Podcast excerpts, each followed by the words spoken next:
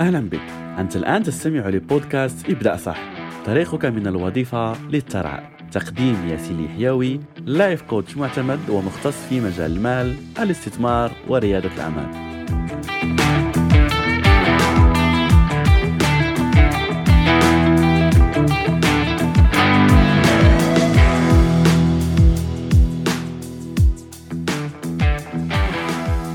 السلام عليكم ورحمة الله وبركاته. مرحبا بك من جديد في برنامج الوفرة المالية من بودكاست ابدأ صح وحلقة اليوم ستكون مكملة للحلقة السابقة التي تكلمنا فيها عن موضوع داعم الأكبر للوفرة واللي هو في الأصدقاء ولائحة الأشخاص المقربين منك.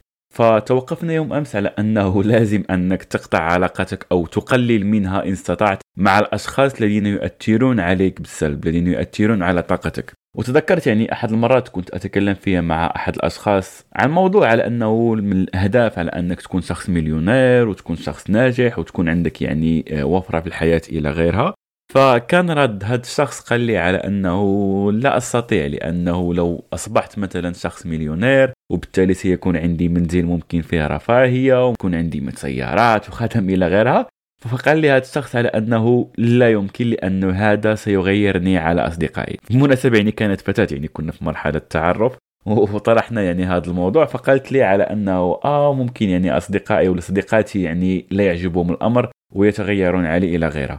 فهذا الموضوع يعني ليس مرتبط فقط بالفتيات لكن كذلك الذكور. فخليني أعطيك الخلاصة. لو كان يعني أصلا أصدقائك يفكروا بهذه الطريقة فاولا هذا يظهر لك على أنهم أشخاص ليس لهم طموح فيعني على أنهم أصلا هم لا يرغبون في الوصول لهذه الأهداف وإلا يعني لكان هناك مساعدة ما بينك وما بين أصدقائك لكي تساعدوا بعض وتدعموا بعض للوصول للوفرة. والشيء الثاني لو كان هذه هي دائرة الأشخاص المحيطين بك فأنت للأسف في خطر لأنه هذا كما ذكرنا سيؤثر عليك بالسلب. أوكي؟ فلازم يكون الأشخاص المحيطين بك أشخاص داعمين لك في موضوع الوفرة. فكيف يعني سيدعمك هاد الأصدقاء؟ خلينا نكون معك صريح وواضح عن موضوع اللي مشهور جدا وأغلب الأشخاص لا يحبوه وهو مفهوم المحسوبية. هذا مفهوم يعني فيه العديد من اللخبطة والعديد من المفاهيم الخطأ. أصلا في موضوع الوفرة وتواجد الأشخاص الداعمين لك لوصولك الوفرة يعني على أن هذا الأصدقاء لن يتوقف فقط في الدعم النفسي ولا الدعم المعنوي لكن سيكون هناك كذلك دعم مادي من هذا الأشخاص. ممكن يعينوك ماديا لو كان في دائرتك دائرة أشخاص ناجحين وأشخاص آه، عندهم وفرة كذلك فلو كنت مثلا كفكرة تريد أن تفتح مشروع وتحتاج لتمويل مثلا ففي الأول سممكن تطلب من هذا الأشخاص على أنهم يساعدوك لكي تبدأ هذا المشروع. هذه أول طريقة. ثاني شيء ممكن يساعدك فيه هذا الأشخاص المقربين هو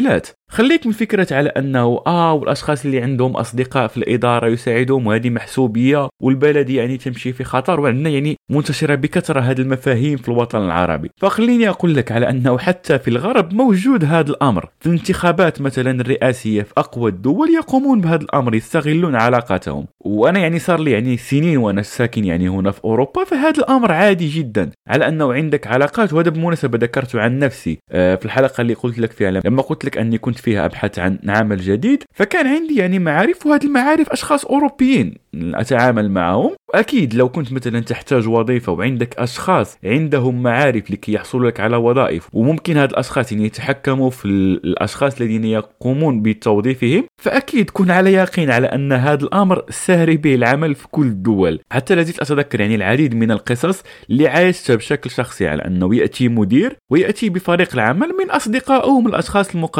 منه. وهذا عادي جدا. المهم هو على أنه أكيد لما تأتي بهذا الأشخاص يكونوا على أهل الثقة. فخلينا فيك أنت. فأنت يجب أن تكون أهل الثقة وتكون شخص مميز وشخص يتقن هذا العمل الذي تريد الناس أن يساعدوك فيه. فبالتالي فكرة على أنه آه محسوبية انساها. بدل يعني ما تنفق هذه الطاقة اللي عندك في محاربة هذا الأمر اعرف كيف تستغله لصالحك. فلو عندك كذلك معارف مثلا في إدارة وعندك مثلا مشروع تحتاج لاستيراد السلع من بلد ما فأكيد لو عندك أصدقاء مثلا في الجمارك ولا في الإدارة التي تسهل لك هذه العمليات فاستغلها لصالحك. هذا هو الواقع. فإما تقبله أو لا تقبله الأشخاص الناجحين يستغلون مصالحهم لصالحهم بالتأكيد يستغلونها بشكل قانوني بشكل يعني ينفعهم وينفع الدولة وينفع الخدمات التي يقومونها. وأذكر بشكل قانوني يعني لا تخرق القانون لا تقوم بأشياء يعني مخالفة ولا أشياء حرام. اشتغل قانوني وأطلب المساعدة من هذا الأشخاص. كذلك تخيل على أنك تريد أن تفتح مشروع وعندك أشخاص مثلا معروف هذا الأمر في كل الدول العربية ولا الأجنبية. الأشخاص مثلا المؤثرين في السوشيال ميديا تجد على أن عندهم network فلو كنت مثلا تعرف أحد هذه الأشخاص وأنت تريد أن تفتح مشروع تخيل أنك تعرف أحدهم ولا تعرف عشرة من هذه الأشخاص. هل تتخيل كم الأرباح اللي ممكن تجنيها بمعرفتك من هذه الأشخاص؟ أكيد الآلاف الدولارات وملايين الدولارات مستقبلا. فلا تترك نفسك يعني في دائرة الأصدقاء الغلط وتقول على أنه آه وليس لي من يساعدني.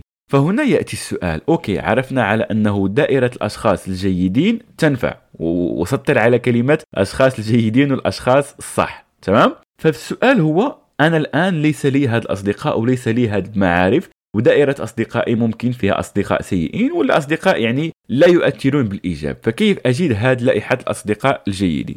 أول طريقة هو أنك تتواصل مع هاد الأشخاص. عرف نفسك بهم عندك وسائل التواصل فحاول على أنك تتعرف على هاد الأشخاص. و please قم بهذه الطريقة بذكاء لأنه أحيانا عن نفسي أتوصل ببعض الرسائل يستحيل أن تجيب عليها ويستحيل يعني أنك تعطي فرصة لهذه الأشخاص أنك تتعرف عليهم. يعني خليني أعطيك مثال. عن نفسي أتكلم في مجال الوعي المالي في مجال الاستثمار في مجال التمويل في مجال الأفكار المالية والقناعات. في مرة من المرات وجدت رسالة من أحد الأشخاص هي يعني كذلك life coach وتدعوني يعني لعمل حوار في موضوع بعيد كل البعد يعني كان في مجال التربية. يا أخي ما علاقتي أنا بتربية الأبناء وليس التربية المالية؟ يعني لو كان الموضوع التربية المالية أكيد سأتكلم فيه. لكن أنك تدعوني لبرنامج ليس لي علاقة به فقط لأن عندي متابعين ولا شخص آخر مثلا عنده مئة ألف متابع تريد أن تعمل معه لقاء ولا تعمل معه علاقة صداقة ولا يربط بينك وبينه إلا الخير والإحسان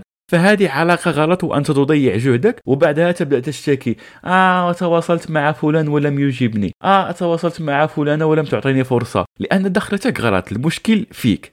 أوكي؟ فمن هنا يجب أن تتعلم كيف تتواصل مع الأشخاص كيف تبني علاقة جيدة مع الأشخاص الناجحين هذا دورك يجب أن تتعلمه. ثاني شيء من غير على أنك تتواصل مع هاد الأشخاص اذهب للأماكن المتواجدين فيها. شخصيا عن نفسي من أكثر العلاقات اللي آه، طورت وفي أفضل الميادين هي دورات التنمية الذاتية ودورات الوعي مثل التي أقدم لك. ففي الدورات التي نقدمها مثلا لا يكون فيها أي شخص. غالبا ما تجد فيها أشخاص يعني عندهم رغبة بتطوير نفسهم أشخاص يرغبون في التعلم وفي الوعي وفي عيش حياة أفضل. فغالبا ما تجدهم في مستوى ولا في level من الوعي level يكون عالي. وهاد الأشخاص نعمة على أنك تكون في مكان يتواجدون فيه فبالتالي ابحث عن دورات ممكن كما ذكرت لك أفضل شيء في هذا المجال ولا مثلا تبحث عن التسويق ابحث عن دورات في التسويق وقم بإنشاء علاقات من هذا النوع. كذلك شوف مثلا لقاءات في مدينتك في الحي في الدولة ابحث عن اللقاءات التي يتواجد فيها الأشخاص ممكن على أرض الواقع. في المجال الذي تريد أن تقوم به هناك العديد من ال expositions ولا اللقاءات التي تتم. اخرج من القوقعة اللي أنت عايش فيها وابدأ تتعرف على ناس جدد ناس ناجحين. ابحث أولا عن أين يتواجد هاد الناس؟ واسأل نفسك كيف ممكن أتعرف على هاد الناس ولا ما هي الطريقة المناسبة لكي أقوم بالتعريف عن نفسي وأقوم بالتعرف على هاد الناس لكي أبني معهم علاقة؟ وأكيد هاد العلاقة لما تدخلها لا تدخل بنية على أنه آه أريد أن يساعدوني لا. ادخل بنية على أنك تريد أن تتعرف على هاد الأشخاص وأنك تريد أن تفيد هاد الأشخاص. ولا تقول لي على أنه ليس لي كيف أفيدهم فأكيد بما أنك تسمع هذا البرنامج وأنك شخص بالغ عندك بعض التجارب في الحياة فكن على يقين على أن عندك شيء ممكن أن تشاركه مع هذه الأشخاص لأنه في العلاقات دائما فكر فيها بمبدأ وين وين؟ على أنك تفيد الناس وتستفيد منهم كذلك. فكان هذا هو موضوع الحلقة والتمرين الذي أعطيتك آخر هذه الحلقة. وأراك في موضوع جديد غدا. لا تنسى ابدأ صح تنجح صح.